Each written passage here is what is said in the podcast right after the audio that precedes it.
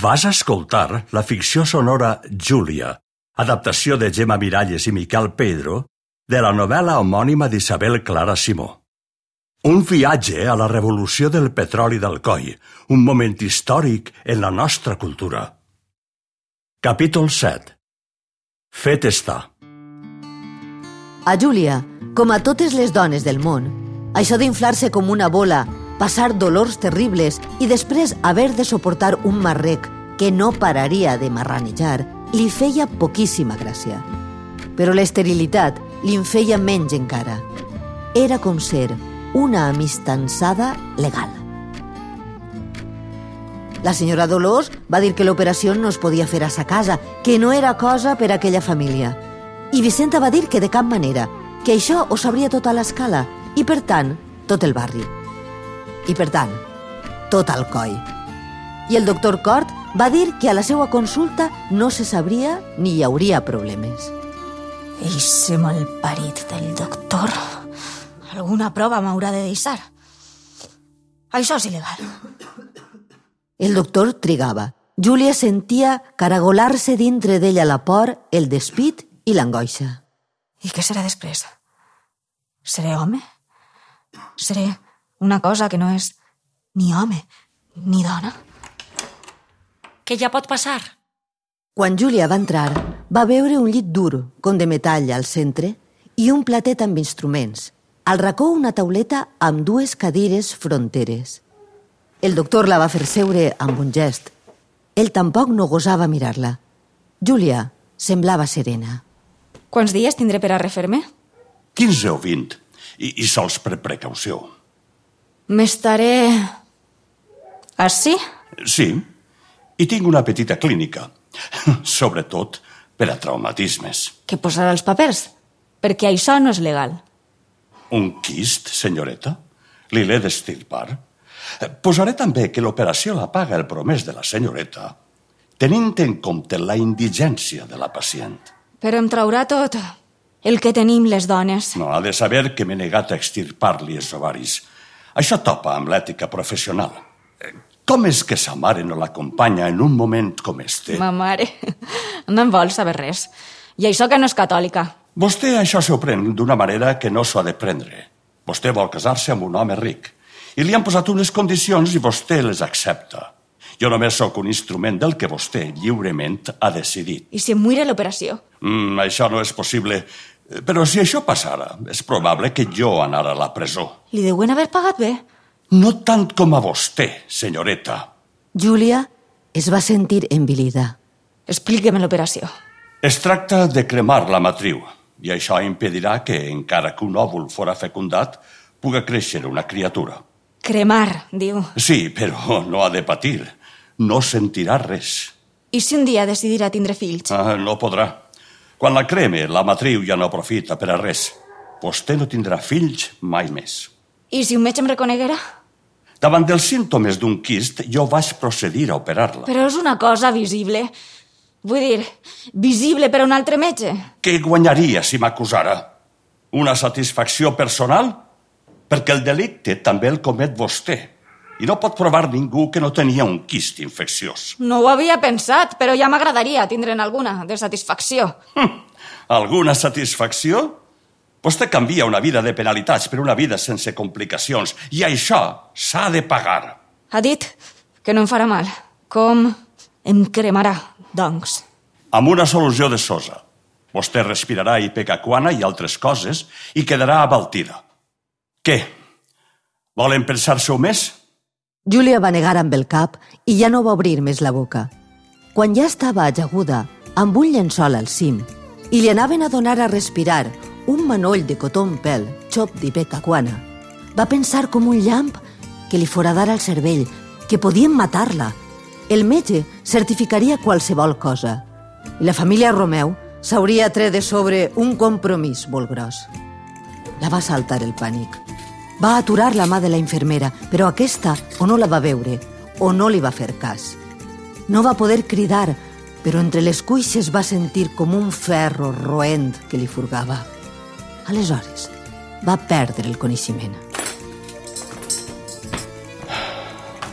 Quan va despertar, va sentir dues coses. Una set terrible que li assecava la gola i un mal agut al ventre. Tenia més un corcó ficat a dins. I es va dir que si no l'havien matada és que el casori anava de veres i que en el fons tenia raó el doctor Cort. Per les coses que un vol, bé cal pagar el seu preu. Quan va eixir pel seu propi peu, 15 dies després, tenia un posat menys orgullós. Se sentia feble i un rosec que no la deixava viure. Al cap de vuit dies, la sogra va anar amb cotxe a cercar-la. Es van portar Júlia a cala modista i va triar les coses més boniques del món i les més cares. Això i molt més. I Júlia no parava de somriure. Tornava a trobar-se sana, cosa que d'ençà de l'operació no sabia què era. I ara un barret, ara unes sabates, ara una cotilla, ara la roba blanca de la més fina. És com tindre un sac enorme ple de diners que per més que hi fiques la mà, sempre la traus plena. Quan arribava a casa, sa mare posava un punt de mala intenció. Obria la finestra i el veia cantant... Que això no té raó, que si ella porta risos també em porta jo. El monyo ben lluent i el polisson ben alt, el risos a la cara i morint-se de fam. Però Júlia estava de bon humor. Dinava a la saleta de la senyora Dolors carn la major part dels dies. Perquè et refaces. Un dia que tornaven del carrer espiritades, perquè la modista devia fer una hora que les estava esperant, va veure al rebedor un sac de viatge. Ha vingut Josep, el xic! Júlia el va trobar molt home i molt senyor, però va intuir que l'anava a humiliar i es va ajupir per no sentir el colp massa fort. Però el xic, que se la va mirar silenciós, es va alçar i li va parlar amb molta gentilesa. La va tractar de vostè i li va fer mil compliments. Quan van poder, les dues dones van marxar de nou a la cambra. Com que s'havia fet de nit, li van dir que es quedara a sopar, que enviarien avís a sa mare. Aprofitarem per a parlar de la manera de menjar. I Josep, el fill de l'amo, va dir que per què no es quedava a dormir. I quan ella va dir que això sí que no, la sogra va callar. Perquè es veu que això no podia ser acceptat de cap de les maneres. El xic t'acompanyarà. I estant la teua mare avisada, no cal que ens afanyem a sopar, tampoc. El sopar va ser alegre, perquè el pare també semblava content de tindre el major a casa, tan a l'impensada. El curs ja ha començat. Però quan s'acomodaven, a part de la taula, en butaques, Josep va dir, sense canviar el to de veu, com havia anat l'operació. Ah, Vam arribar a temps. Jo que em pensava que la trobaria emprenyadeta. I es va quedar molt seriosa, perquè s'havia donat del que acabava de dir. El senyor Josep s'alçà i, sense acomiadar-se, va marxar pegant una portada. I la saleta va quedar silenciosa. I l'aire de la tardor, que era càlid, es va gelar en aquella estança. Havia d'eixir bé, per força. El doctor Cor em va dir que cobrava molt per fer una cosa il·legal, però que no cobrava tant com jo per deixar-me-la fer. Així que vostè creu que ha cobrat un bon preu per casar-se amb mon pare. No és així? Jo crec que sí, perquè si no vaig errada, tots els seus béns seran tant d'ell com meus. I com que crec que tots li desitgem molta vida i salut, en tinc per a molts anys. Així que comprar una xica és bastant fàcil, segons veig. Molt fàcil, Josep. Tant com comprar una herència capant una xica. Vostè és una insolent.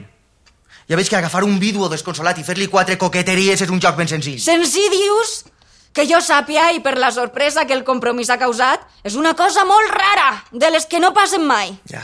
Així que una de dos. O jo sóc més atractiva del que em pensava, o el teu pare és un cas especial. Així que, segons diu, la cosa ha causat sorpresa. Com ho sap, això? Per les cançons que m'han tret? No ho sabies? Escolta. Júlia pensava les coses, no et deixes a Rafelet. Rafelet era el meu promès. Abans. Que no hi ha cosa pitjor que casar-se pels diners.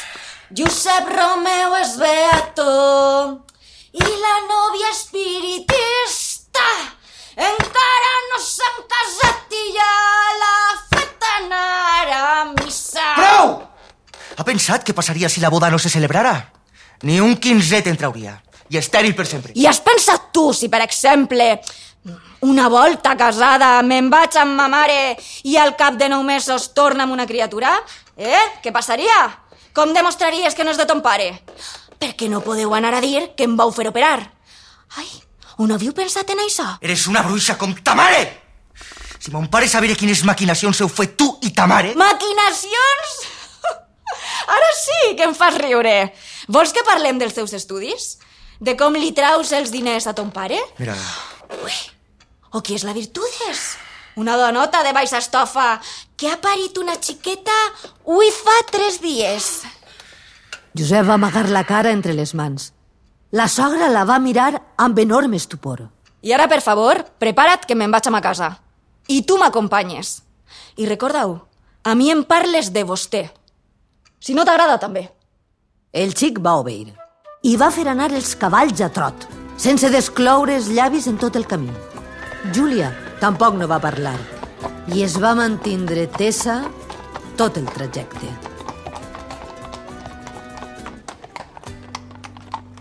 Quan va pujar l'escala, es va sentir espavilada. Al llit es va posar les mans al clatell i va deixar que el cervell pensara. La primera cosa que va pensar és que no devia haver dit aquelles coses i que cada dia es trobaria a tota hora el xic gran, el menut, la sogra. Ara la vella li concedia amistat, però quan el xic Josep li havia preguntat amb la llengua solta pel vinet, va dir el seu verdader pensament.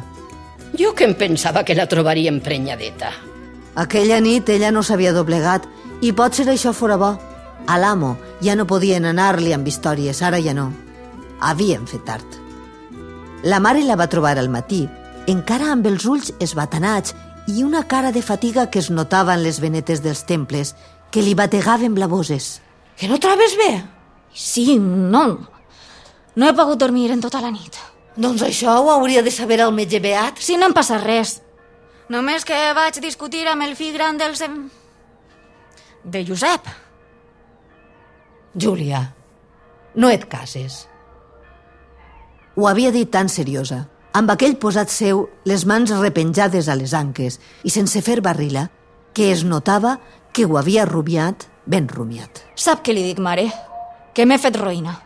Encara no, però t'hi faràs. I ara ja no puc fer-hi res. Després de tant de rebombori pel compromís, cap home ja no em voldria. I més quan sabera, i ho havia de saber, que m'han operat. Saps què m'ha dit Glòria? Què? Que Rafelet se'n va servir al gener. Ai, mare. I, que va com boig buscant faena per a sa mare, perquè si no en troba, aquella casa va a la misèria. Diu que Rafelet està prim com un furgadents i que a la fàbrica li han dit que no saben si li guardaran el lloc com li havien promès, que les coses van malament i que no s'afaita i, i sembla un criminal. Diu que el seu germanet diu que no podrà aguantar la milícia, que li el mataran. I, i que tot això és per culpa teua. Vostè també sembla com si em volguera fer mal, contant aquestes coses. Bé, Glòria m'ha donat recors per a tu. I que et diga que ella té la mateixa amistat que sempre Ai. i que sap que cap xica no hauria dit que no a una oportunitat com la teua. I que ho sent per Rafelet, però ella creu que en el fons sempre ha sigut ell qui t'ha volgut a tu. I tu qui t'has deixat voler per ell. I que et critiquen perquè et tenen enveja. Jo m'he fet roïna. T'hi faràs. Ahir vaig fer la ouija. Ah. sí, ja sé que te'n rius, però a mi m'ha avisat Júlia sempre... continuava de el fil coses. dels seus pensaments i no escoltava.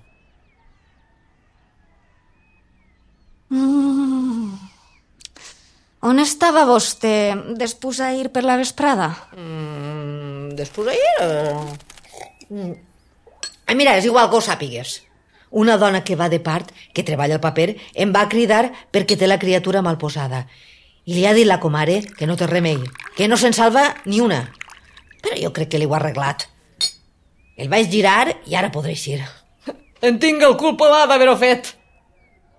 Doncs, després d'ahir per la vesprada, jo vaig tornar d'horeta perquè el sabater ens havia fallat. Encara no feia mitja hora que estava toquen a la porta.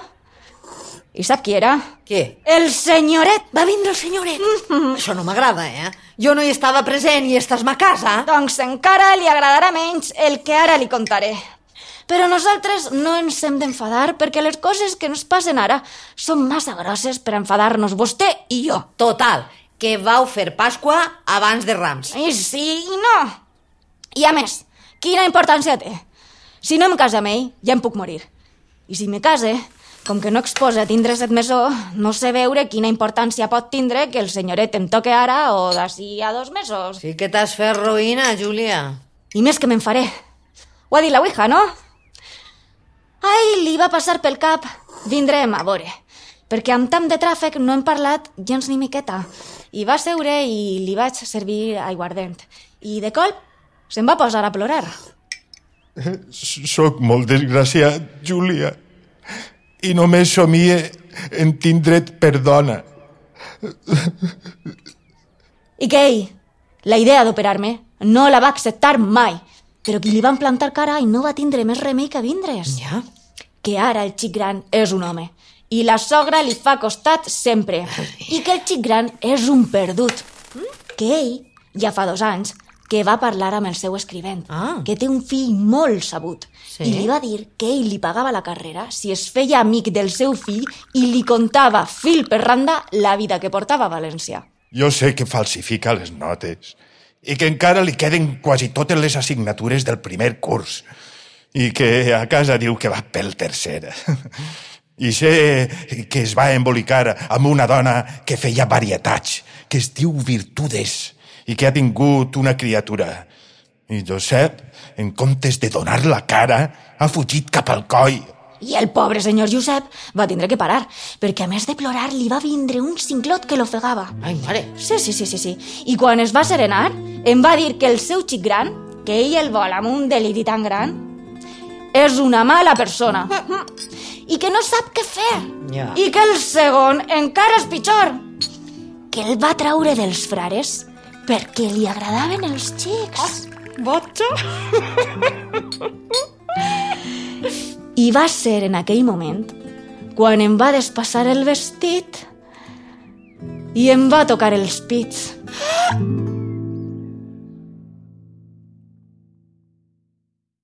Has escoltat l'adaptació a radioteatre de la novel·la Júlia d'Isabel Clara Simó, una producció de la Dependent amb el suport de la Conselleria de Cultura i Esport, Ajuntament d'Alcoi, Acadèmia Valenciana de la Llengua, Unió Alcoiana Seguros, Ràdio Alcoi i A. Intèrprets principals. Pepa Miralles, Glòria Román, Juan Salloret, Pau Bercher i Pilar Martínez. Gravació de Luis Vélez i Gonçal Berenguer. Editat per Adrià Sempere i Luis Vélez amb música de Cofre Antic i Rafael Arnal.